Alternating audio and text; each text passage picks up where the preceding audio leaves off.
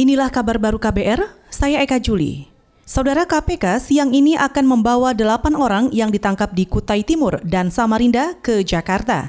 Saat ini mereka masih diperiksa di Polresta Samarinda, Kalimantan Timur.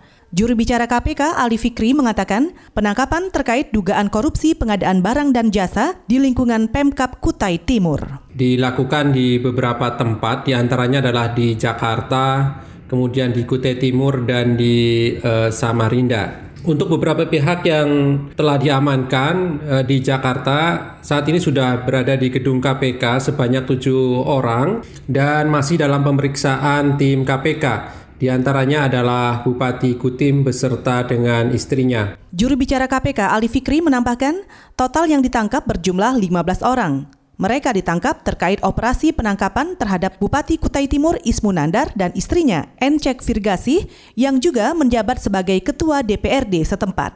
Kita ke soal transportasi. Direktur Jenderal Perhubungan Darat Kementerian Perhubungan Budi Setiadi menunggu hasil evaluasi sektor transportasi di masa PSBB dan PSBB transisi di wilayah Jabodetabek. Budi mengatakan Kementerian Perhubungan hanya akan mengeluarkan regulasi sesuai dengan aturan yang direkomendasikan oleh gugus tugas percepatan penanganan COVID-19.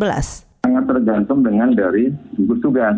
Karena kita kan bagian dari aturan regulasi yang dibuat gugus tugas menyangkut masalah protokol kesehatan gitu. Jadi saya bisa nyiapin semuanya sepanjang gugus tugas ada aturan yang katakan batasan seperti apa orang mau perjalanan saatnya seperti apa gitu. Semuanya kan sekarang kan protokol kesehatan pencegahan COVID itu kan. Jadi saya pasti harus membuat menyiapkan uh, modanya, menyiapkan sarananya, prasarana dan sarana itu harus sesuai dengan uh, semangatnya gugus tugas gitu.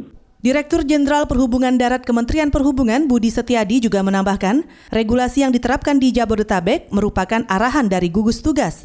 Menurutnya, protokol kesehatan di sektor transportasi saat ini masih berjalan cukup baik meskipun diakui masih ada yang nekat melanggar. Sebelumnya, Pemprov Jakarta, Banten, dan Jawa Barat memperpanjang PSBB Jabodetabek hingga pertengahan bulan ini. Kita ke informasi olahraga. Ganda campuran Praven Jordan Melati Deva Oktavianti melenggang ke laga puncak turnamen internal PBSI setelah menaklukkan pasangan Adnan Maulana Michelle Christine mereka menang dalam dua game langsung 21-17, 21-17 pada semifinal yang berlangsung di Pelatnas PBSI Cipayung, Jakarta, Jumat pagi. Kunci kemenangan pasangan Praven Melati terletak pada usaha menjaga ritme permainan di poin-poin akhir.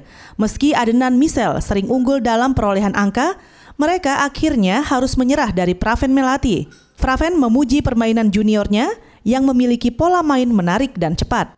Saudara, demikian kabar baru. Saya Eka Juli.